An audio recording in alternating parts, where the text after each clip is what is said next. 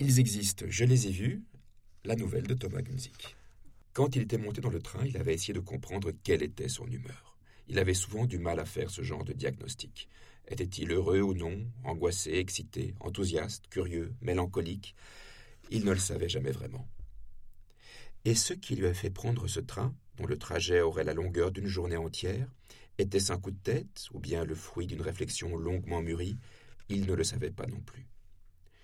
Toujours est-il qu'il se trouvait dans ce train qui devait le conduire sans changement jusqu'à une ville du sud de l'Europe dont il ne savait rien parce qu'il n'y était jamais allé. Finalement, la seule chose qu'il savait, c'est que ce qu'il attendait là, c'était une femme. En se disant ça, il avait souri du cliché. Jusqu'à ce moment de sa vie, aux portes de sa vieillesse, il n'avait donc jamais su être original, enfant docile, étudiant appliqué, employé studieux, mari fidèle, père aimant, Jusqu'ici, sa vie avait été une promenade sur terrain plat, sur un chemin droit. Son passage sur Terre ne laisserait aucune trace, il serait un souvenir agréable pour les quelques personnes qu'il avait connues, un nuage nostalgique passant dans le cœur de ses enfants, une photo ou deux posée sur un buffet, quelques autres dans un disque dur qu'on ne consulte qu'accidentellement, un nom qui ne dirait plus rien à personne en moins d'une génération. Il n'avait connu aucune gloire, et un seul drame, un seul drame dans une longue vie, c'est pas si mal. Ça ne le dérangeait pas le moins du monde d'être aussi commun. Il en tirait même une certaine fierté. Il avait fait plus de bien que de mal, il n'avait pas d'ennemis, il n'avait jamais fraudé, jamais volé, il ne s'était jamais battu, il ne s'était jamais drogué autrement qu'avec un ou deux verres de vin. Il aimait la musique que tout le monde aimait, les films que tout le monde voyait, les livres que tout le monde lisait. Il s'habillait sans chercher à se distinguer. Il était poli avec tout le monde. Même son apparence physique était comme une de taille moyenne, de poids moyen, les cheveux d'un brun classique, les yeux d'un brun parfaitement normal, le visage régulier, presque beau, sans que ça soit spectaculaire, mais ce matin, il s'asseyait côté fenêtre dans un train qu'il n'avait aucune bonne raison de prendre car il devait le conduire vers une femme qu'il n'avait plus vue depuis plus de trente-cinq ans, qui s'appelait Laura, et qu'il avait aimée jusqu'à en devenir fou, jusqu'à ce qu'il y ait deux morts. Il était là, son drame. C'est elle qui lui avait écrit via Messenger quelques jours plus tôt, un message très simple. Ça fait longtemps, qu'est-ce que tu deviens? Il avait donné de ses nouvelles, factuellement, la nature de son travail, l'âge de ses enfants, le prénom de sa femme, et il avait été voir son profil Facebook. Qu'était-elle devenue depuis toutes ces années Elle avait travaillé dans l'hôtellerie, elle semblait aimer la randonnée et les chiens, elle avait pris position contre la construction d'un centre commercial à proximité d'une zone naturelle protégée pour la régularisation des sans-papiers. Chaque année, elle donnait son sang à la Croix-Rouge. Les photos d'un jeune homme au corps sec et musclé, posant sur une plage et illustré du commentaire Mon bébé a vingt ans, je suis si fier de toi, lui firent supposer qu'elle avait un enfant.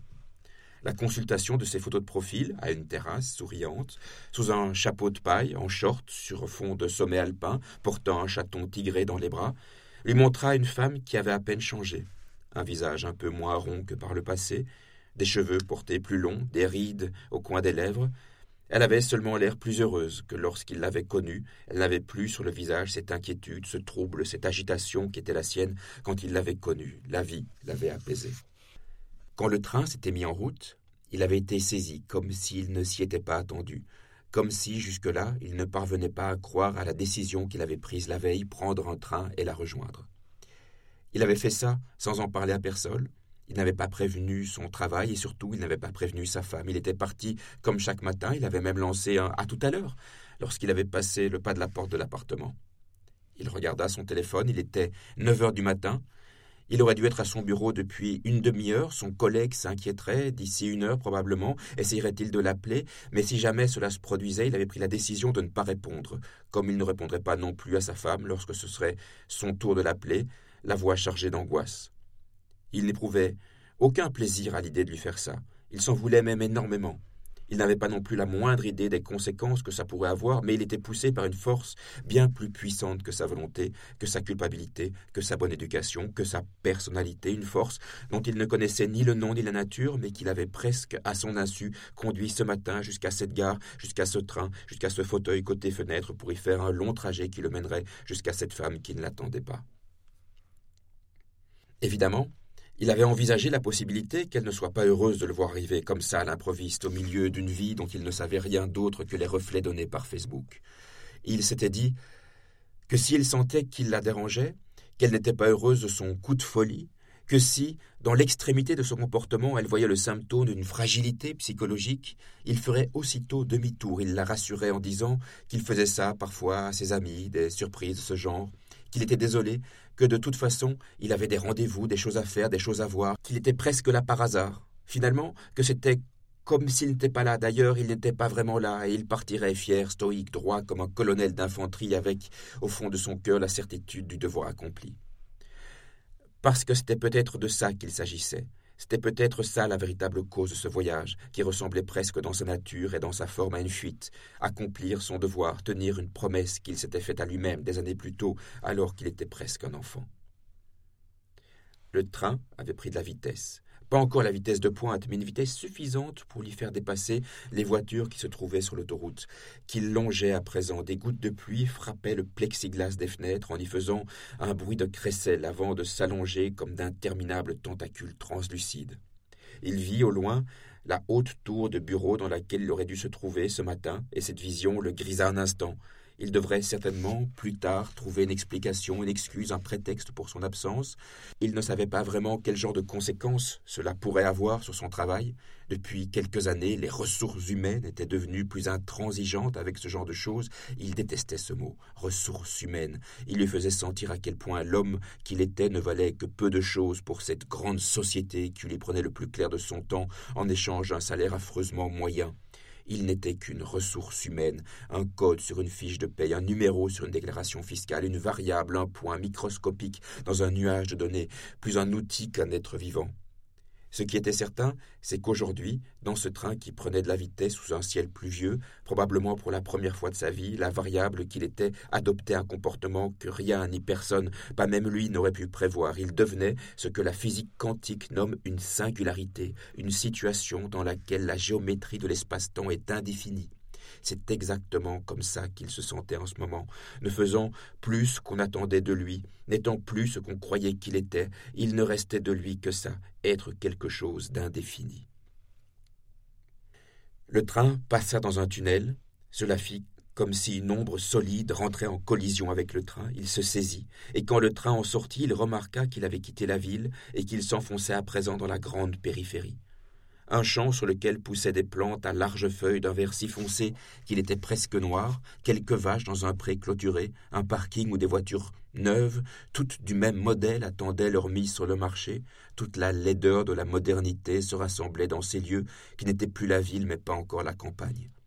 Il se demanda à quoi pouvait bien ressembler ce paysage deux ou trois siècles plus tôt, des forêts, des sous-bois, des prairies faites de ronces et de fougères, des lieux d'une vie qui n'était ni maîtrisée, ni ordonnée, ni contenue, une vie d'avant l'idée de ressources humaines. Quand il avait rencontré Laura, c'était avant d'être lui-même à l'image de cette nature, de cette vie maîtrisée et contenue, avant que la marche de son existence et celle de l'économie mondialisée ne le transforment en ressources humaines.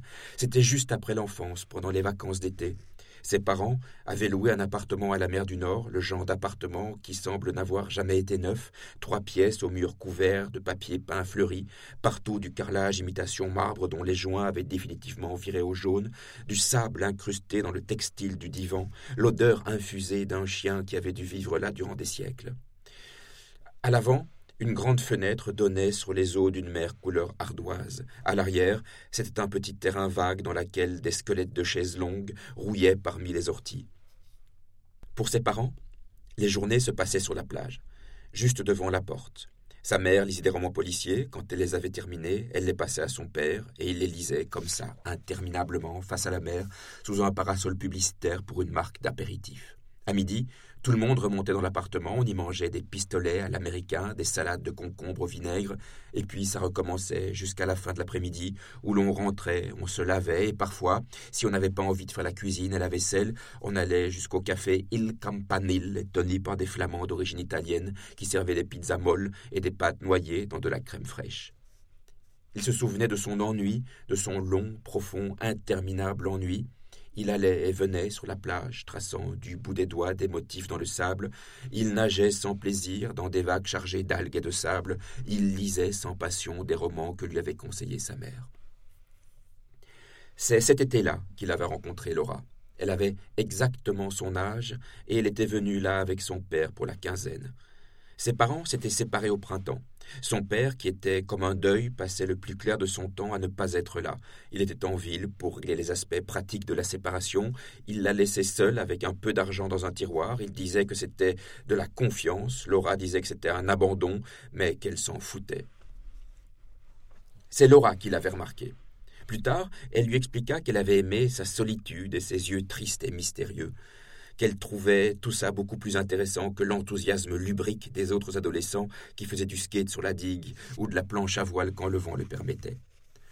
Un beau jour, elle s'était simplement approchée de lui, elle portait un maillot, une pièce noire, sans autre fantaisie que quelques perles bleues sur les bretelles, et elle lui avait demandé Tu veux voir un truc que j'ai trouvé? Elle l'avait conduit jusqu'à un endroit où la mer, à marée haute, se frayait un chemin entre les dunes, et elle lui avait montré une espèce de tas grisâtre sur lequel s'acharnait une mouette. De loin, on aurait dit un tas de linge, mais elle s'était approchée, il avait regardé de plus près. Ce n'était pas du linge, mais un animal mort, un animal de la taille d'un petit chien. Mais ce n'était pas un chien. Ce n'était pas non plus un poisson ou alors un de ces phoques qu'on aperçoit parfois quand on avait de la chance sur le brise-lames, c'était autre chose. Qu'est-ce que c'est? il avait demandé à la jeune fille. Regarde bien, regarde vraiment bien.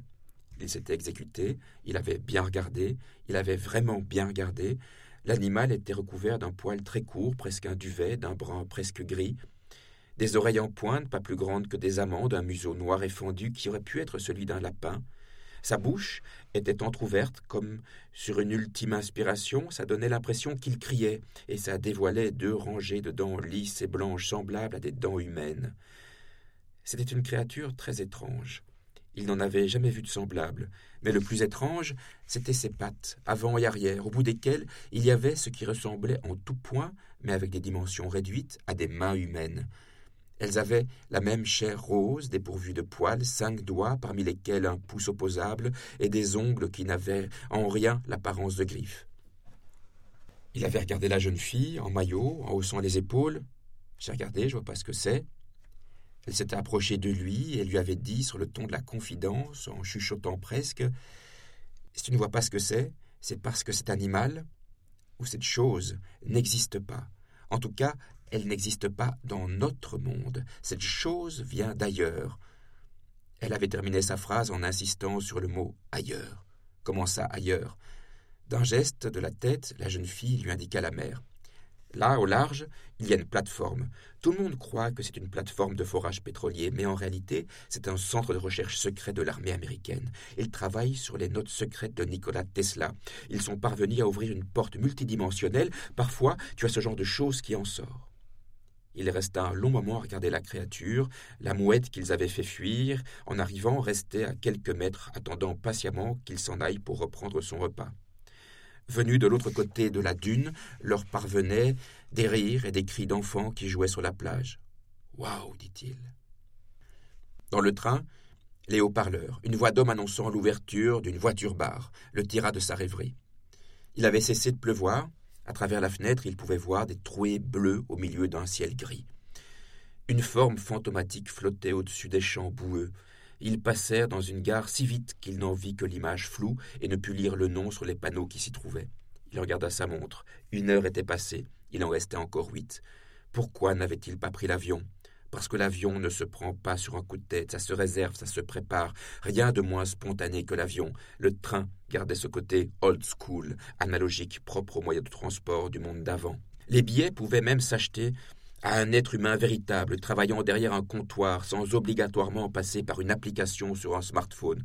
Toutes ces choses qu'on lui disait si pratiques le déprimaient sans qu'il ne sache pourquoi. Peut-être parce que faire tenir tout un monde dans un objet aussi petit qu'un téléphone, les contacts, les agendas, les photos, la musique, les réservations de trains et d'hôtels, les cartes routières, lui donnait l'impression que le monde lui-même avait retréci, alors que, il en était certain, il n'en était rien, le monde était toujours aussi grand. Les humains perdaient juste un peu la capacité à apprécier cette grandeur.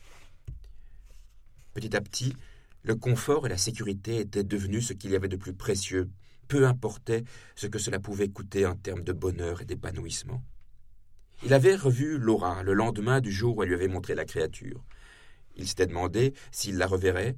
Elle n'avait pas dit son nom, elle ne lui avait pas dit pour combien de temps elle serait à la mer avec son père. En somme, à part lui avoir parlé d'expériences scientifiques secrètes, elle ne lui avait rien dit du tout. Mais le lendemain, vers la fin de la journée, alors qu'il commençait à désespérer de la revoir, elle l'avait retrouvée sur la plage. C'était un jour où, à la faveur d'une marée et de la direction du vent, les vagues étaient plus hautes que d'habitude.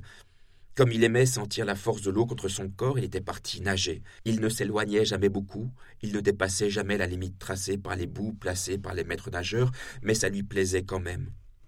Quand il était sorti en frissonnant, Laura se tenait debout sur la plage où elle semblait l'attendre. Elle portait le même maillot noir, il se sentit rougir, quantité d'émotions se mélangeaient en lui.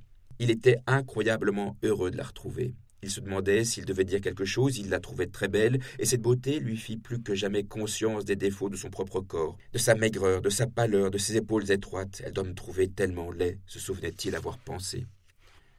La créature a disparu, lui avait-elle dit. Des agents des services secrets sont certainement venus la chercher pendant la nuit. Ils n'aiment pas laisser traîner ce genre de preuves. Tu veux que je te montre autre chose? Il avait hoché la tête, et elle lui avait fait signe de le suivre. Ils avaient marché sur la plage sans rien dire, ils étaient arrivés au petit camping qui consistait en quelques caravanes installées les unes à côté des autres sur des places de parking. Ses parents n'aimaient pas ce camping. Ils trouvaient qu'il gâchait le paysage et surtout que les gens qui s'y trouvaient posaient toujours des problèmes. Par conséquent, ils ne s'en approchaient jamais. C'était la première fois qu'ils le voyaient d'aussi près. Il avait suivi Laura jusqu'à une caravane de bonne taille, blanche, à ligne orange, gardée par un auvent bleu pétrole. Elle avait poussé la porte, elle était rentrée, il avait hésité. Viens, qu'est-ce que t'attends? Il était entré dans la caravane. À l'intérieur, ça sentait le liquide vaisselle, le linge humide et la transpiration. Ton père n'est pas là, il avait demandé. Il ne rentre que le soir, très tard. Ah. Elle s'est approchée d'une petite fenêtre en plexiglas et elle lui avait indiqué quelque chose qui se trouvait de l'autre côté. Regarde ça. Il avait regardé. De l'autre côté de la fenêtre, il y avait une autre caravane, toute petite celle-là et vieillotte. Elle avait l'air d'à peine tenir debout. C'est un homme seul qui est là-dedans.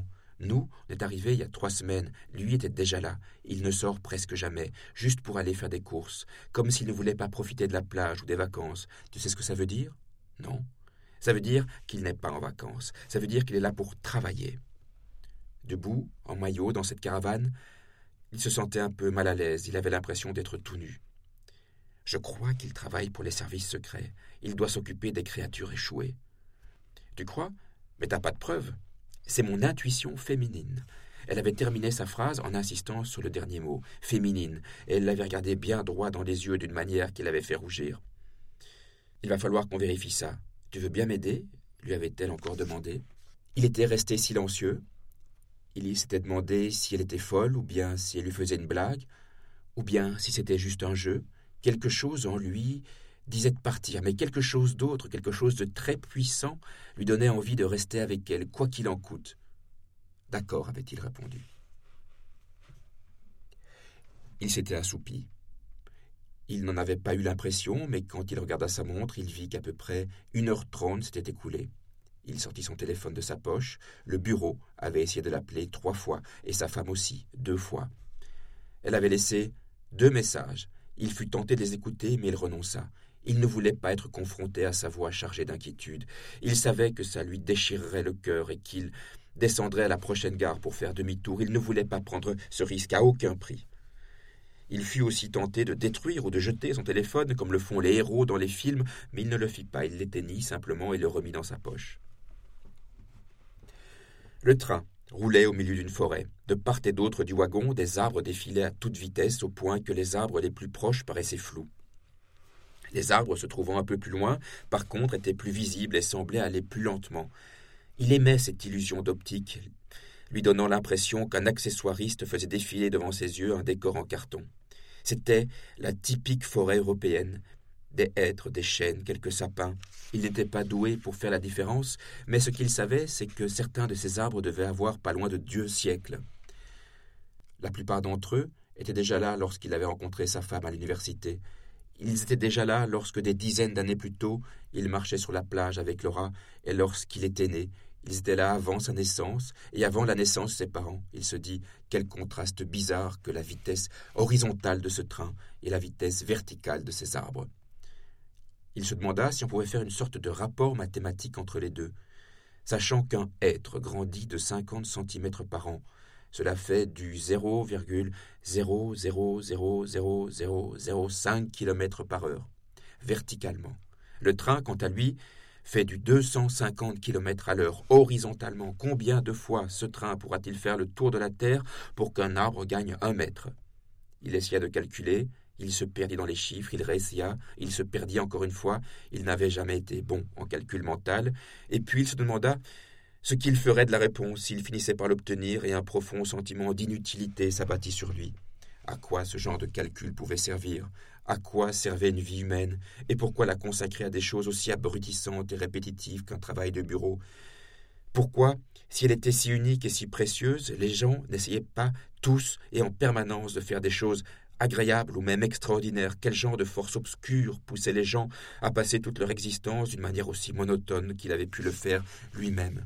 Parmi les explications, il y avait la peur de l'inconnu, la crainte pour sa sécurité matérielle ou affective, le plaisir moelleux de l'habitude, et il suffisait à toutes ces petites forces négatives de se réunir pour annuler les désirs et les aspirations profondes des humains.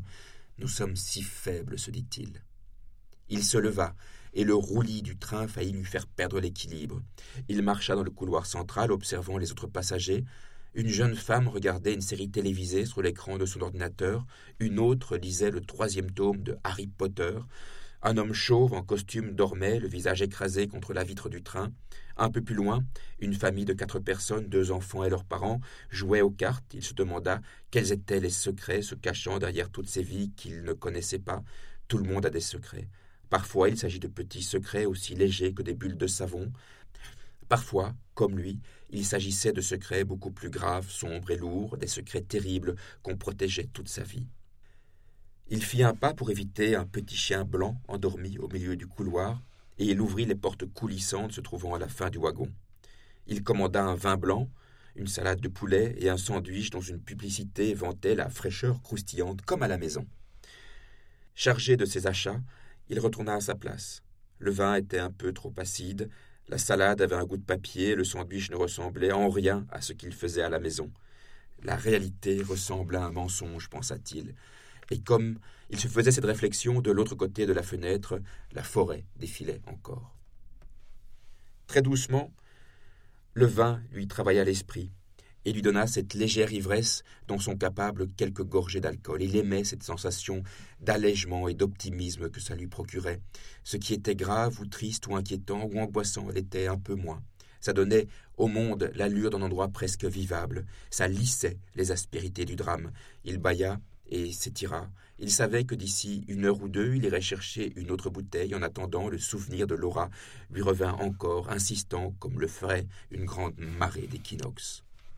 Quand des années plus tôt, maigre et grelottant, debout dans la caravane, il avait accepté de l'aider, il ne se doutait pas une seconde des conséquences que ça allait avoir sur sa vie. C'est ainsi que s'écrivent les destins, se dit-il. Au moment même, on ne se doute jamais de ce qui est en train de se jouer. Les contes se font plus tard. Parfois, il faut des décennies pour apprécier à leur juste valeur la portée de certains actes. Il avait quitté la caravane de Laura, et il avait rejoint ses parents sur la plage. Ceux-ci, absorbés par la lecture de leurs romans policiers, n'avaient même pas remarqué son absence. Il leur avait dit qu'il avait froid, il était remonté dans l'appartement, là, seul, il s'était rendu compte qu'il tremblait, mais ce n'était pas le froid qui en était la cause. Une phrase flottait dans son esprit de jeune adolescent, s'y répétant en boucle Je suis amoureux, je suis amoureux. À ce moment, il fut pris par une sorte d'exaltation romantique. Il prit une douche, se coiffa, s'habilla et se regarda dans le miroir. Il y vit le reflet de ce qui n'était pas encore un homme, mais plus un enfant, une sorte d'être hybride, comme celui que Laura lui avait montré dans les dunes. Il aurait tellement voulu ressembler à un de ces garçons bronzés et musclés qui faisaient du surf sur la plage. Qu'est-ce qu'une fille comme Laura pouvait bien lui trouver? Alors il prit conscience qu'elle n'avait laissé transparaître aucun signe sur d'éventuels sentiments qu'il aurait eus à son égard. Peut-être l'avait-elle choisi, simplement parce qu'il était là, au bon moment et au bon endroit. Malgré tout, Dans son jeune esprit, une succession d'images romantiques apparurent et se bousculèrent. Il était avec Laura sur la plage au coucher du soleil. Dans le ciel d'un orange flamboyant, des mouettes à contre-jour passaient au ralenti. Dans cette image, Laura et lui se tiennent par la main sans rien dire car il n'y a rien à dire, l'amour a son langage, à lui qui rend les paroles inutiles. Ils se tiennent donc par la main et ils marchent d'un pas lent et parfaitement synchronisé. Puis, comme soudainement inspirée par l'aspect dramatique de la lumière, la jeune fille s'arrête et plonge son regard dans le sien. Elle porte une longue robe blanche dont l'étoffe danse sous l'effet d'un vent brûlant qui vient de la mer. Ses cheveux sombres sont défaits et tombent telle une cascade de pétrole sur ses épaules nues. Elle approche son visage du sien et elle l'embrasse. Quel effet un baiser pouvait-il bien produire? Il n'avait jamais embrassé personne sur la bouche. Il aurait tellement voulu essayer, il aurait tellement voulu essayer avec Laura, et comme il pensait à ça, son cœur s'enflammait et lui brûlait la poitrine comme l'aurait fait un morceau de phosphore. La soirée qui suivit fut interminablement ennuyeuse. Ses parents étaient toujours les mêmes avec leurs têtes de parents, leurs vêtements de parents, leurs discussions de parents, leurs soucis de parents, toutes des choses qui lui apparaissaient à présent comme totalement dépourvues d'intérêt. Il en avait assez de cette vie d'enfant, de ce confort tiède, de cette sécurité anesthésiante. Il voulait quelque chose de fort, de grand, de violent. Il voulait s'arracher à sa vie pour en vivre une autre, peu importe laquelle. Tout était bon pour échapper au tombeau de sa famille. Le lendemain, le temps s'était gâté. Un ciel uniformément sombre couvrait la mer jusqu'à l'horizon. La masse nuageuse avait une couleur de coton sale. En dessous, l'air était comme prisonnier. Il n'y avait pas un souffle de vent, il stagnait comme le fait la vase chargée d'une odeur de mazout. La pluie se mit à tomber à dix heures. La plage était vide, ses parents regardaient les Jeux olympiques à la télévision, cette journée promettait d'être particulièrement déprimante. Il regardait par la fenêtre la pluie tomber sur les eaux grises de la mer lorsqu'il vit Laura. Elle portait un imperméable jaune, et elle le regardait en direction de son appartement. Lorsqu'elle l'aperçut, elle lui fit signe de la main. Il répondit d'un geste de la tête. Il enfila ses bottes en caoutchouc, un kawaii. Je sors, dit-il à ses parents, le cœur battant. Il courut rejoindre Laura. T'es toujours partant pour m'aider? lui avait-elle demandé sur un ton de défi. Évidemment. Ils étaient retournés vers le camping et ils étaient arrivés devant la petite caravane de l'homme travaillant pour l'armée américaine. Je ne l'ai pas vu depuis hier, il a dû partir pour quelques jours, un truc du genre. C'est le moment de rassembler des preuves. Si on trouve quelque chose, ce sera énorme, tu comprends? On sera les premiers à prouver que ces expériences secrètes existent vraiment. La caravane était un modèle petit et ancien. La peinture, couleur crème, s'écaillait par endroits, laissant apparaître le plastique qui se trouvait en dessous. Avec le mauvais temps qui avait été prévu pour la semaine, le camping s'était vidé. Il ne restait que quelques mobilhomes éparpillés de ci, de là, Laura essaya d'ouvrir la porte, elle était fermée. Elle regarda la petite fenêtre, poussa et parvint à l'entr'ouvrir. On peut passer par là, lui avait-elle dit. Puis, elle s'était glissée à l'intérieur. Il l'avait suivie en tremblant. Il savait que ce qu'il faisait était totalement interdit, et que si quelqu'un les surprenait, il risquait de très gros ennuis. Mais malgré sa peur, il se retrouva à l'intérieur. Il n'y avait pas grand-chose une banquette pliable faisant office de couchette, une tablette faisant office de table, un espace cuisine-évier large d'une trentaine de centimètres, c'était tout. L'endroit était sale et dégageait une odeur de poubelle, d'eau usée et d'humidité. Y a rien, avait-il dit, impatient de pouvoir partir. Laura fouillait, sous le matelas en mousse, sous la tablette, sous le petit évier. Elle finit par sortir une bouteille en plastique contenant un liquide incolore. Elle l'ouvrit, renifla et grimaça. C'est du formol. Il avait senti, à son tour, une odeur forte de produits chimiques. Je sais pas, ça sent ces trucs pour nettoyer les pinceaux.